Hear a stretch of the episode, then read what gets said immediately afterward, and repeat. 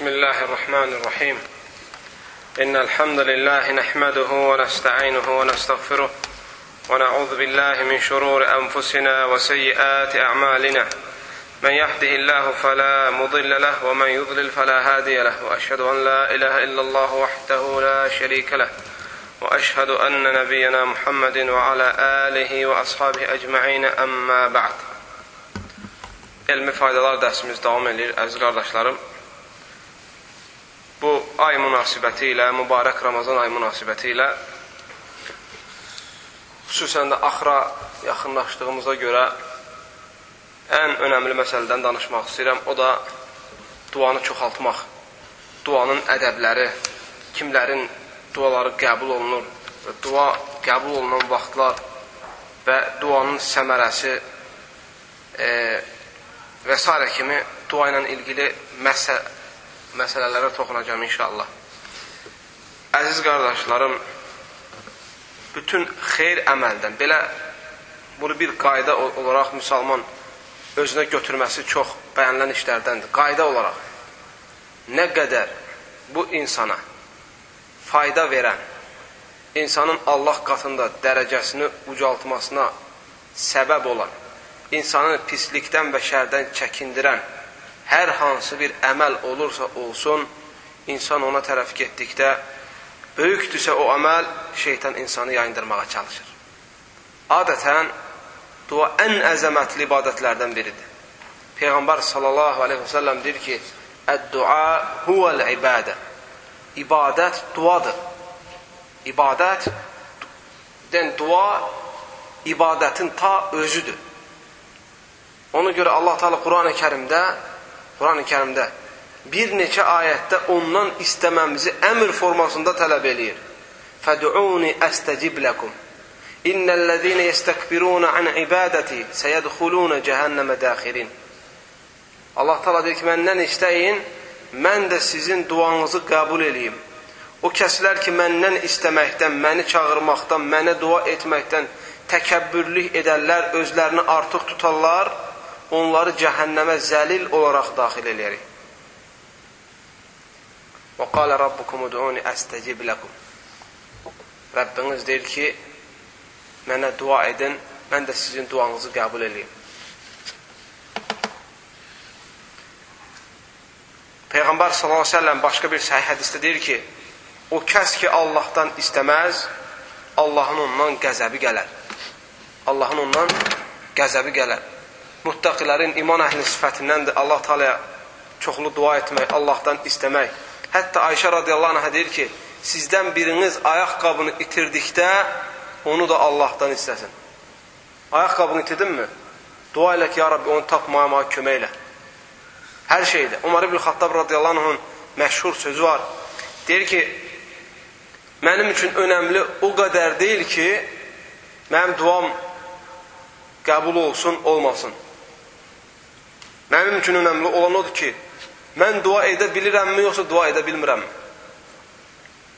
Bu duada şək məsələsidir, əziz qardaşlarım. Önəmli olan bugünkü gündə insanlara baxsan, Allaha ehtiyacları daha çoxdur. İnsanlarda fəsad daha çoxdur. İnsanlarda cəhalət daha çoxdur.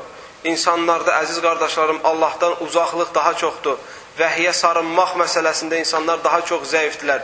Bu fitnə fəsad dövrdə insanların daha çox ehtiyacı var Allaha yalvarmağa, dua etmək, fitnələrdən qorunmaq üçün, şərlərdən, bəlalardan qorunmaq üçün. Amma çox az görürük müsəlmanları dua məsələsinə yanaşmaqlarını. Çox az yanaşırlar. Bəlkə də hər dəfə niyyət edirlər ki, dua etsinlər deyə, elə dua vaxtı gəldikdə yayınırlar.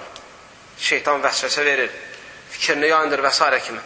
Ona görə bu dərsdə toxunmağa çalışacağım ki, müsəlman gərək özünü alışdırsın dua etməyə və xüsusən də duanın qəbul olan vaxtlarını bilsin ki, hətta həvəs artsın. Bu, ilk öncə əziz qardaşlarım bilmək lazımdır. Peyğəmbərlərin salavatullah və səlam aleyhim ən çox etdikləri əməllərdən biri dua idi. Peyğəmbərlərin. Ona görə bax, Peyğəmbər s.ə.v səhih hədisdə deyir ki, Allah Taala bütün peyğəmbərlərə bir dənə müstəcəb dua verib. Bütün peyğəmbərlərə deyib ki, hərənizin adətən peyğəmbərlərin duası qəbuldur. Lakin yüzdə yüz qarantili olaraq hər peyğəmbərə Allah Taala bir dua şansı verib. Ki, nə istəyirsən istə, qəbul eləyəcəm. Ona görə peyğəmbərlərin hamısı dualarını bu dünyada edə bilər. Bəzi peyğəmbərlər övlad istəyib, bəzi peyğəmbərlər mülk istəyib, bəzi peyğəmbərlər ümmə, qovmunun həlak olmasını istəyib, Nuh aleyhissalam kimi. Dəvət eləyib, dəvət eləyib, icabət eləməyiblər, bəddua eləyib. Artıq çıxış yol olmadığına görə. Və s. kimi. Peyğəmbər s.ə.v deyir, mən o duamı saxladım axirət gününə. Mən o duamı saxladım ümmətimə dua etmək üçün axirət gününə. Ona görə, əziz qardaşlarım, insanlar məhşər meydanında toplananda uzun müddət, uzun müddət məhşər meydanında qalacaqlar. O gün hətta kafir belə sonu hara olursa olsun, o günün qəmindən, qüssəsindən qutarmaq üçün Allaha dua edəcək, ya Rabbi. Hətta hara olur olsun, eləcə sən hesabı başla, biz bu durumdan qutaraydık canımızı. İnsanların bir toplumu deyəcək ki, gəlin gedək Adəm əleyhissalamın yanına, atamızdır, bəşəriyyətin atasıdır, bütün insanlar ondan törənib. Gedək deyək Allaha dua eləsin ki, Allah bizi bu sıxıntıdan qutarsın. Yəni məhşər meydanında hamı toplanacaq, hamı toplanacaq, hamı toplanacaq və hamı ayaq üstə duracaq. Kimsə danışmayacaq, kimsə gülməyəcək. Kimsə böyründəkinə baxmayacaq. Ayaq üstə duracaq, hamı hesabı gözləyəcək. Hesab başlamır. Günəş insanların başının üstə yaxınlaşır. Sıxıntıdır. O gün gedəcəklər, Adəm əleyhissalam qəbul eləməyəcək. Deyəcək ki, xeyr, mən günah eləmişəm, sizə şəfaət verəsi durumda deyiləm. Gedin Nuh aleyhissalamın yanına. Nuh aleyhissalamın yanına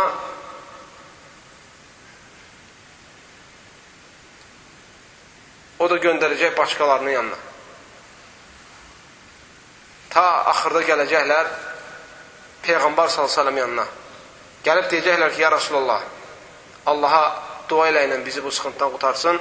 Peyğəmbər s.ə.v deyəcək, ənə ləhə, ənə ləhə, ənə ləhə. Mən bunu edəcəm sizin üçün, mən bunu edəcəm, mən bunu edəcəm. Və sonra gedir, Peyğəmbər s.ə.v Allaha səcdə edir. Həmin duasını orada edir ki, Ya Rabbi, ümmətim, yəni bu insanların sorğu sualını başlatqınə.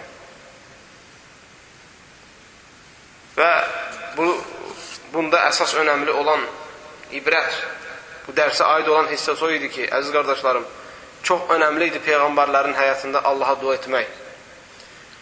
Ona görə Peyğəmbərlərin yolu ilə gedən, xüsusən də Muhammed sallallahu aleyhi ve səlləmin yolu ilə gedən bütün Allaha və axirət günə inanan möminlər də dua məsələsində də Peyğəmbərlərə oxşamağa çalışmalıdır. Yəni, onların etdiyi formada dua etməyə çalışmalıdır. İkinci məsələ, əziz qardaşlarım, kimlərin duası qəbul olunur? Adətən, Allah kimlərin duasını daha çox qəbul edir? Birincisi, atanın duasını, ananın duasını övladına, övladına atanın, anasının, ananın duası. Bu hər iki şeyə, həm xeyir duasını Allah adətən qəbul edir, həm də bəd duasını Allah təala adətən qəbul edir. Bu da övladlar üçün iki önəmli məsələ var. Birincisi, hər bir övlad çalışmalıdır ki, anasına, atasına gözəl xidmət eləsin onların qədrini, qiymətini bilsin. Onlarla gözəl rəftar eləsin ki, hətta onların xoş dualarına nail olsun. İkinci fayda da odur ki, gərək hər bir övlad atasına zülm etməkdən, anasına zülm etməkdən, onlara qarşı üzü ağ olmaqdan, onların qəlbini qırmaqdan çəkinsin ki, onların birdən bəd duası onu tutar. Adətən bu sirdir, əziz qardaşlarım. Bu həyatda olan sir məsələlərdəndir ki, Bəzən insanın başına müsibət gəlir, deyir ki, ya Rabbi, bu müsibət haradan gəldi mənim başıma? Bəlkə də onun, əgər atasına, anasına zülm eləyən birisi idisə, bəlkə də onların buna etdiyi bəd duanın səbəbidir. İkinci, əziz qardaşlarım, dəvəti və yaxud duası qəbul olunan şəxs müsafir. Müsafir. Hədis var, Peyğəmbər s.ə.v deyir ki, səfərə çıxanda, yəni səfərə çıxanda Allah təala səfərə çıxanın duasını qəbul eləyir. Ona görə bir insan səfər müddətində gərək Allahı xatırlasın və onun müsafir olduğuna görə misafir adətən necədir əziz qardaşlarım? Biraz könlü yumşaq, könlü qırıq, biraz möhtac hesab olunur. Çünki sən evində rahatsan, evin var, döşək var, yatırsan, yemək var, içmək var, hamının ailənin içindəsən. Amma səfər eləyəndə adətə yalnız qalırsan, evin olmur, kira axtarırsan, yeməyi gedib alırsan və s. kimi sıxıntı və biraz yornuqluq içində olursan. Ona görə adətən durum belə olduğuna görə Allah Taala onun duasını qəbul edir misafirin. Üçüncü əziz qardaşlarım, duası qəbul olunan şəxs məzlum. Zülm olunan şəxs, hətta kafir olsa belə. Hətta kafir olsa belə Allah Taala məzlumun duasını qəbul eləyir. Peyğəmbər sallallahu əleyhi və səlləm Muad bin Cəbəl radiyallahu anhunu Yəmənə göndərəndə xristianları dəvət etmək üçün Muad bin Cəbələ bir çox tövsiyə eləyir. Bunu belə et, onları ilk dəfə tövhidə dəvət elə, kəlmə şəhadətə dəvət elə, başa sal ki, əşhədu ən la iləhə illallah, əşhədu ənə Muhammedən Rasulullah nə deməkdir? Onun şərtləri, onun rukunları. E, gördün ki, bunu tətbiq elədilər, namaza dəvət elə. Namaz qıldılar, zəkata dəvət elə. Axırda gəlir ki, əziz qardaşlarım, Peyğəmbər s.ə.v Muad bin Cəbəli radiyallahu anhını çəkindirir. Deyir, ittəqu dəvətəl məzlum fə innəhu leysə beynəhu və beynəllahi hicəb. Deyir, məzlumun bəd duasından qorux ki, Allahla onun arasında pərdə yoxdur. Yəni, dua eləsə, Allah onun duasını birbaşa qəbul edəcək. Bu hədisin şərhində elm əhli deyir ki, bu hədisin şərhində elm əhli deyir ki, Peyğəmbər s.ə.v demir ki, müsəlmanın bəd duasından qorux ki, müsəlman məzlumun, deyir ki, məzlumun bəd duasından qorx. Ona görə elm əhli deyir ki, həm kafirə aiddir bu, həm də müsəlmana. Burada önəmli olan əziz qardaşlarım bir dənə mühüm fayda var. O da heç vaxt çalış zalim olmayına. Ədalətli bir insan ol ginən. Kiməsə zülm eləmə. Çünki İslam kəlməsində mənaca və bütün özündə əhatə eləyən mənasında İslam dairəsinin içində zülmə yeri yoxdur. Hətta belə heyvan olsa belə, həşərat olsa belə, quşlar olsa belə, insan nə olursa olsun heç nəyə zülm etmək olmaz. Ona görə Peyğəmbər sallallahu əleyhi və səlləm, əziz qardaşlarım, qurbağanı öldürməyi misal üçün qadağan eləyir. Nəyə görə nəyə görə adətən çünki qurbağa zərər verən bir heyvan deyil. Və onun xeyri də adətən insanlara yoxdur.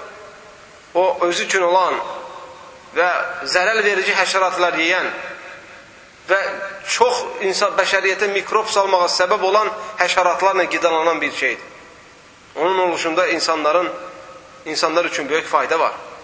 Hətta yəni bəzi bunu bilənlər, tibb alimləri qurbağanın suyun içində qalmasında suyun təmizliyi üçün və suyun önəmi, yəni suyun qalıcı olması üçün bir çox faydalarını deyirlər. Ona görə bir gəldir, ya Rasulullah biz qurbağa ilə müalicə eləyirik. Biz onu istifadə edə bilərik, Peyğəmbər deyir ki, xeyr olmaz. Çünki bu subut olunur ki, bugünkü gündə də qurbağa ilə müalicə olunmur. Aydındırmı? Peyğəmbər s.ə.v əziz qardaşlarım arını öldürməyi qadağan edir. Çünki adətən arı adama toxunmur. Arıya toxunmasan, arı adama toxunmur. Və adətən arının əsas xidməti də insan üçündür. Qanadı yırtılana kimi gedir qıtır-qıtır, tikə-tikə, damcı-damcı, zərrə-zərrə bal toplayır, sən də onu qaşıqla yersən. Sənə faydası var. Nəhiy edir. Peyğəmbər s.ə.v qarışqanı öldürməyə qadağan eləyir. Nəyə görə? Çünki qarışqa heç bir şeyə zərər vermir. İnsanlardan düşən qırıntılarla, israf olucu qırıntılarla qidalanır. Və onun təbiətdə oluşunda böyük ibrətlər var. Deməli, əziz qardaşlarım, heç nəyə zülm etmək olmaz. Peyğəmbər s.ə.v qadağan edir, deyir, heyvanın üzünə vurmayın. Allah yaratdıqlarında ən şərəfli insanın sifətini və başını yaradır. Və Peyğəmbər s.ə.v deyir ki, sizdən biriniz heyvanı kəsdikdə bıçağını yaxşı itiləsin.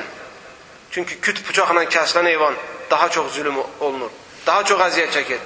Və deyir ki, heyvanı kəsməzdən kəsərkən bıçağı qabağında itiləməyin. Çünki onu iki dəfə öldürmüş olursunuz. İnsan hiss elədiyi kimi heyvan da kəsildiyini hiss eləyir.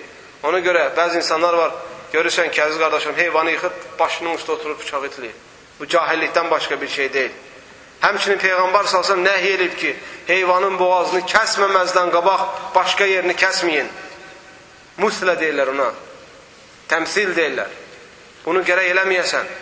Və həmçinin Peyğəmbər salsam heyvan ölməmiş dərsini soymağa icazə vermir. Bu heyvandır. Çünki orada bunu etsən, heyvana zülm etmiş olarsan. Əgər heyvanın haqqında İslam dinində, həşəratın haqqında İslam dinində və yaxud quşlar olsun, quşların haqqında İslam dinində zülm haramdırsa və yəni İslamda yer var ki, gedib insana zülm eləyəsən, yoxdur. Peyğəmbər s.ə.v deyir ki, sizdən biriniz əgər quşu yeməyəcəksə öldürməsin. Bəzən görürsən ki, atırlar quşu vururlar. Deyir, çünki o quş qiyamət günü səndən gəlib hesab Allahın qabağında hesab tələb edəcək. Əgər onu haqsız yerə öldürmüsənsə. İbrət nədir əziz qardaşlarım bu şeylərin qadağan olmağında? Hətta insandan zülm gəlməsin deyə meydana. Deməli, əgər insan məzlum oldusa, ondan qorxmaq lazımdır. Burada o önəmli olan fayda odur ki, heç vaxt zalim olma. Kiminsə haqqına girmə. Kiməsə zülm etmə və qorxu ilə ki, bədduasına düşərsən. Həmçinin əziz qardaşlarım, duası qəbul olunan şəxslərdən oruç tutan insan. Və bu ay bizim üçün fürsətdir. Oruç tutan insan Peyğəmbər s.ə.v deyir ki, orucu çoxaldır. E, duanı çoxaldır. Allah Taala oruclu insanın etdiyi duasını qaytarmır. Bir insan oruclu olarsa, oruclu ola-ola Allaha dua eləyərsə, Allah onun duasını geri qaytarmaz. Ona görə buna diqqət etirin. Həmçinin, əziz qardaşlarım, duası qəbul olunan şəxslərdən bir müsəlmanın bir müsəlmanın arxası ilə etdiyi dua. Sələf-ü salih bunu çox əməl eləyərdi. Yəni, sən bir müsəlman qardaşın üçün dua elə, sənin duan ona qəbul olunur.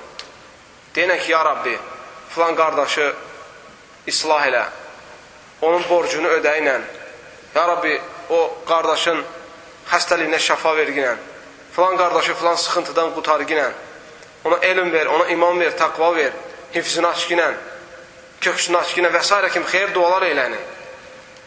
Onda o zaman hədis var ki, Peyğəmbər bir müsəlman bir müsəlmana dua eləyərsə, mələklər də gələr der ki, ya Rabbi, sən o, ona dediyini buna da ver, ona dediyini buna da ver. Şeyxülislam ibn Teymiyyə rəhməllah Məcmu'l Fətava kitabında gətirir 27-ci cildində ki, deyir bu bir sir məsələdir bu. Çünki adətən insanların duasının qəbul olmama ehtimal var. Amma mələklərin duası qəbul olunurmu, olunmurmu? Mələklərin duası qaytarılmır, əziz qardaşlarım.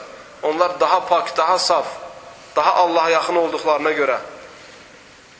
Lə ya'sun Allah mə əmarahum və yəf'alun mə umarun. Deyir, Allah Teala'ya qarşı onlar üsyan olmazlar, üsyançılıq etməzlər. Allah qoyduğu hədlər aşmazlar. Allah onları nəyə əmr etsə, onu tətbiq edərlər. Ona görə mələk gəlib deyərsə ki, sən qardaşına dua eləyəndə buna da, buna da. Kimin? Sənin duan mı qəbul olma ehtimalı var, yoxsa mələklərin mi? Mələklərin. Ona görə ilk öncə qardaşına dua eləyəndə sən ondan istifadə edirsən. Bu bir sir, bu bir sirdir əziz qardaşlarım. Amma müsibət buradadır ki, insanlarda o qədər paxıllıq, o qədər həsəd, o qədər kin, o qədər kibir var ki, görəsən kimdir bu dövrdə qardaşı üçün qardaşının qaydına qalan, özünə istədiyini qardaşına istəyən insanlar. Çox azdır, əziz qardaşlar. Çox az. Çox vaxt eşitdiyimiz şey bədduadır. Bəs salam.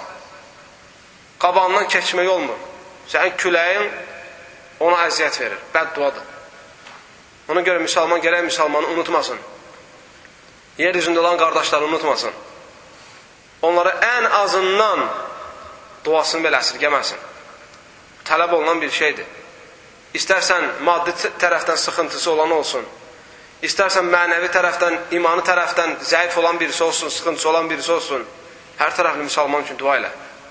Hətta heç nəsini bilməsən belə, xeyir dua elə ilə, qardaşındır. Həm də savab qazanırsan, həm də sənin işlərin düzəlir əslində. Həmçinin əziz qardaşlarım duası qəbul olunan şəxslərdən dara düşən adamlar. Dara düşən adamların Allah duasını qəbul edir, bunu unutmayın. Amma bir şərtlə, əgər sən genişə çıxdıqda, rahat olduqda Allahı anan insansansa, onda dara düşəndə Allah təala sənə kömək eləyəcək. Yoxsa sən genişlikdə, rahatlıqda, bolluqda Allahı tanımırsansa, dara düşdükdə Allah sənə kömək eləməyəcək. Bir insan əgər malı olduqda, pulu olduqda nə Allah, nə Peyğəmbər qanmırsa, nə Allah təala ibadət eləmir, nə Peyğəmbərin haqlarını bilmirsə və bir insan sağlam bədəni olduqda bu bədəni Allah yolunda səcdə etdirmirsə, Ramazan ayının orucunu tutmursa, o insan dara düşdükdə Allaha əl açarsa, Allah onun duasını necə qəbul etsin? Ona görə adətən qəsd olunan burada odur ki, əgər bir insan daima Allahı anarsa və daima Allaha möhtac olduğunu zahir və izhar edərsə, o insan dara düşdükdə də Allah təala ona kömək eləyər. Həmçinin əziz qardaşlarım, dua ilə ilgili önəmli olan məsələlərdən biri də əsas duanın qəbul olunan vaxtları. Bu, bu vaxtları çalışın, duanı çoxaldın. Allah Taala o vaxtları dua olunarsa o duaları qaytarmır. Birincisi gecənin üçdə son üçdə bir hissəsi. Gecənin son üçdə bir, bir hissəsi. O vaxtı hədis var, olunan duaları Allah qaytarmır. Amma müsəlmanlar, subhanallah ilazim, bəlkə televizorun qabağında gecənin üçdə bir hissəsinə kimi, internetin qabağında gecənin üç, üçdə bir hissəsinə kimi otururlar, televizora baxırlar, futbola baxır, kinoya baxır, onunla bununla danışır, yazışır və s. kimi dininə və imanına xələl gətirən işlərlə məşğul olur və yaxud da heç fayda verməyən şeylərlə məşğul olur, amma dua məsələsinə gəldikdə isə, əziz qardaşlarım, məhrum olur. Əgər desən ki, bu duanın müstəcəb vaxtlarıdır, sən oyaqsan, dua elə, yox. Onu bacarmaz, çətindir o. Və yaxud o vaxta kimi gözləməz ki, durum dua eləyim, vaxtıdır. Amma başqa şeylər üçün görsən qalxır. Gecənin üçdə, son üçdə bir hissəsi. Bunu necə ölçmək olar? Adətən bu sual çox çıxır. Gecənin üçdə birini necə bilməzsən? Necə bilə bilərsən? Həm təhəccüd vaxtıdır, həm də duanın qəbul olunan vaxtıdır. Bunu günün batmağı ilə və günün doğmağı ilə müqayisə edirsən. Misal üçün, əgər gün saat 8-də batırsa, səhər günəş çıxırsa saat 6-da, neçə saat olur gecənin müddəti? Hesablayın. 9, 22. Yox, nə 22? Bir dəqiq, bir dəqiq. Axşam saat 8-də batır. Tələsmin, tələsmin. Bərabər hesablayaq. Axşam saat 8-də gün batır. 9, 10, 11, 12, 6-da da gün çıxır. 10 saat olur. 10 saat gecədir. Deməli, 10 saat gecədir. 7 saatı çıxsaq, 9, 10, 11, 12, 1, 2. Saat 2-dən sonra gecənin son 3 hissəsi sayılır. Son axırıncı hissəsi. Yəni onu bölürsən neçəyə? Gecənin müddətini bölürsən 3 yerə. 10 saatdırsa, 3 yerə böləndə nə qədər gəlir? 3-3 saat gəlir. Təxminən 3 saat 20 dəqiqə gəlir. Deməli, hər 3 saat 20 dəqiqə ilə 3 saat 20 dəqiqə nə qədər? 6 saat 40 dəqiqə. Günəşin batışından sonra 6 saat 40 dəqiqəni götürəndə qalan hissəsi gecənin 3-də 1 hissəsi sayılır. Adətən belə götürürsən.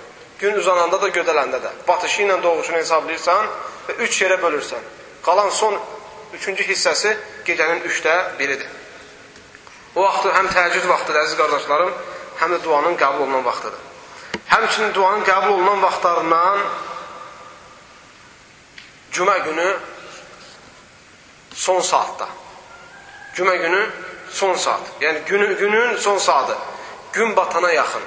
Gün batmağa gün batan axırıncı saatda belə deyək. Gün batmağa bir saat qalmış. Saat deməyək bir müddət qalmış. Duanın qəbul olunan vaxtlardan biri. Duanın qəbul olunan vaxtlardan biri də əzənlə iqamə arası.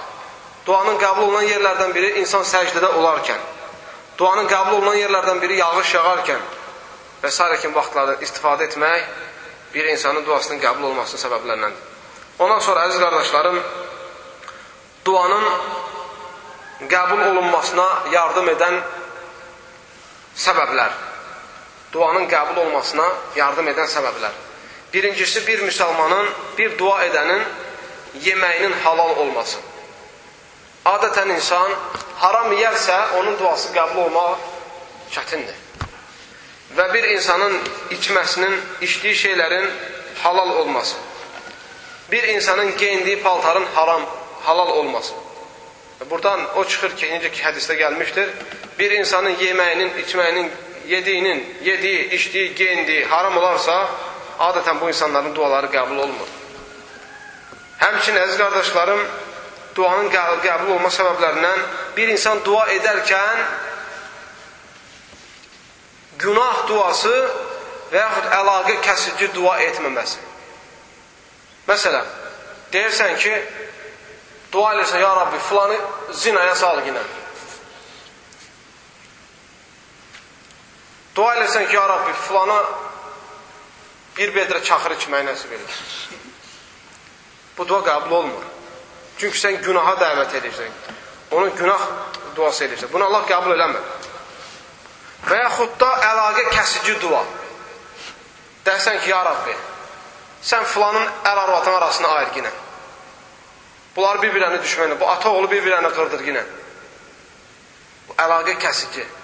Nə belə dualar Allah qəbul eləmir. Həmçinin, əziz qardaşlarım, duanın qəbul olma səbəblərindən insan dua edərkən yalvarması. Yəni, bir dəfə deyirsən, belə yox. Yalvarmaq olanda nə zaman olur? Yəni, bir şeyi təkrar, təkrar, təkrar, təkrar istəmək. Bir insan bir məsələni əldə etmək üçün bir dəfə dua eləyir, sonra hara həşir salır ki, mənim duam qəbul olunur. Qardaşım, bir məsələni əldə etmək üçün Allaha yalvar. Yalvar. Öz zəlilliyini Allahın qabağına qoy ginə. Səhər, gün orta, axşam, bir həftə, bir ay, bir il. Gecə günüz yalvar Allah talaya. Görəcəksin Allah verir, vermir. Sonra görürsən ki, adətən yolda patrol saxlayanda səni, sənə cərmə yazır. Patrolu yarım saat dil tökürsən ki, onları yazma, bunu yazmama, yarım saat dil tökürsən. O da ya tutur ya da tutmur. Amma bir insan sən Allahdan istəyəndə, bir insana sən gecə yalvarırsansa saatlarla, sən bir Allahdan istəyəndə onu necə yalvarmamalısan? Və onu təkrar-təkrar etməlisən. Həmçin, əziz qardaşlarım, duanın qəbul olma səbəblərindən dua edərkən Allaha qarşı gözəl zənn etmək. Sən əmin olmağın ki, Allah sənin duanı qəbul edəcək və Allah sənin duanı eşidir. Sənin qəlbində olanı da bilir. Və sən əgər bunu bu niyyətlə, bu, bu cür hissiyyətlə dua edərsənsə, inşallah bu da sənin duanın qəbul olma əlamətlərindən olar. Həmçinin duanın, əziz qardaşlarım, qəbul olma əməl, əməl, əməl, səbəblərindən duanın sir olması. Yəni bir insan dua edərkən riyadan uzaq olması, kibirdən uzaq olması və sir dua etməsi. Yəni ortaya çıxasan millətin ortasına qalanda ya hayyu ya qayyum belə yox. Quranda ayət var. Allah Teala deyir ki, Rəbbinizi sakit çağırın.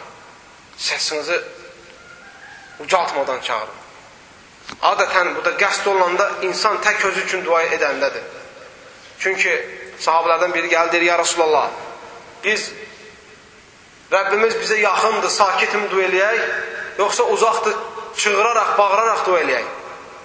Peyğəmbər s.ə.v deyir ki, o sizdən, o sizə dəvənizin burnundan, başından daha yaxındır. Allah Teala Quran-ı Kərimdə deyir: "Və nahnu aqrabu ileykum min hablil varid."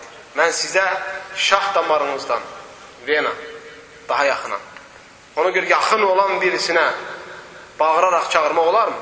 Yəni sən adicə insanı götür, Allah Teala bütün bütün oxşadılmaqdan uzaqdır. Haşa. Yanında olan bir insana sən bağıraraq, çığıraraq çağırsan, nə deyər? Deyək, sən karım çağırırsan, korum çağırırsan, dəlisən, sən nəsən?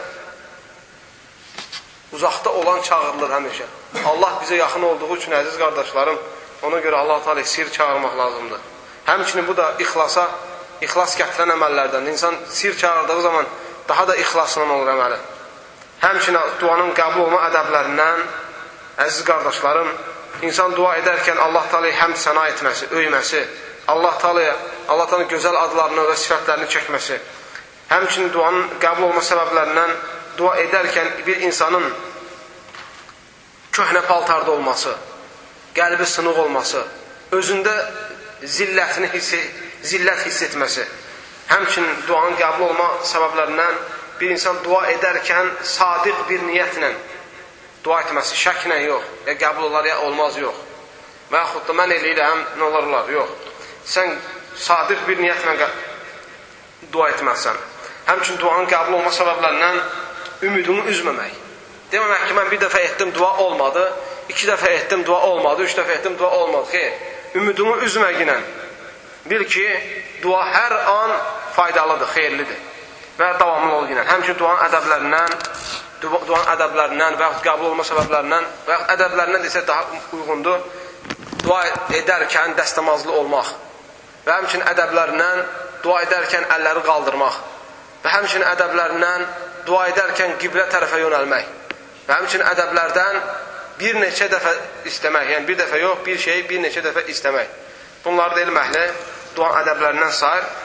Əziz qardaşlarım, e, həmçinin duanın əsas səmərələrinə, dua ilə ilgili sonuncu məsələmiz bu dərsdə duanın əsas səmərələri. Səmərə nədir? Əsas sənə olan faydası. Yəni, belə başa salın, ağacı səpirsən, ağacı əkirsən, onun səmərəsi sən yiyən meyvədir. Yəni, duanın da səmərəsi var, faydası var. Ən önəmlisi olan üçdür. Birincisi, dua eləyən adamın duasının qəbul olması. Bundan böyük xeyr var.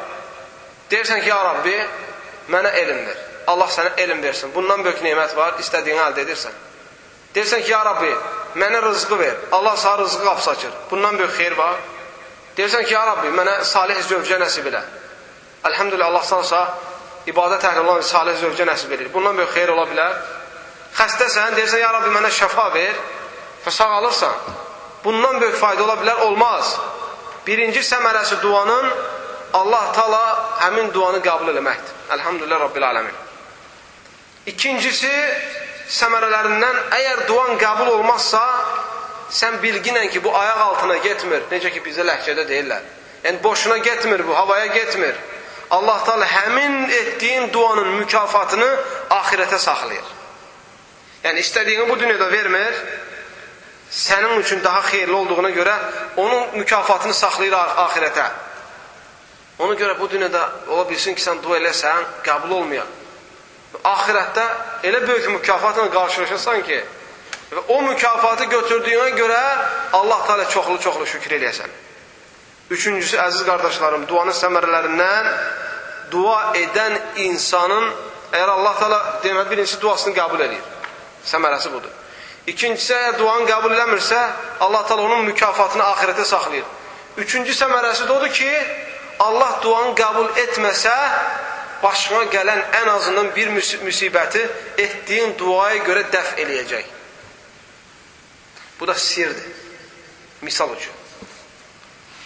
Əlini açırsan, deyirsən ki, Ya Rabbi, Ya Hayyu, Ya Qayyum, Ya Zəl Cəlal və İkram, sənin gözəl adlarınla və uca sifətlərinlə diləyirəm ki, mənə şəfa verəsən və yaxud da mənə salih zövcə nəsib eləyəsən və yaxud da dersən ki, ya Rabbi, mənim üçün bu şey almağı nəsib eləyəsən və qəbul olmadı dua. Zahirən o şey görmədi. Onda o zaman Allah tal qəbul etməsə də sənin duanı başına gələn bir müsibətdən etdiyin duaya görə səni qoruyur. Misal üçün Allah Taala o sən etdiyin duanın mükafatı olaraq qəbul etməsə də misal üçün əgər səni o gün maşın vurasıdırsa, ayağın sınası idisə və s. başqa bir fəlakət gələsi idisə, o duanın səbəbi ilə Allah Taala səni qoruyur. O şey sənin başına gəlmir. Və bu da sənin qədərinə o etdiyin duaya görə yazılmış olur. Bu günkü dərsimiz dua ilə ilgili bu qədər əziz qardaşlarım. Allah Taala'dan diləyirəm ki, köksümüzü duaya qarşı açsın və dualarımızı qəbul eləsin, qəlblərimizi paklaşdırsın. Allah Taala'dan diləyirəm ki, bizləri ona gözəl şəkildə ona layiq qul olmağı nəsib eləsin. Və sallallahu və səlləm və barik alə nəbiyinə Muhammed və alə alihi və sahbihi əcməin.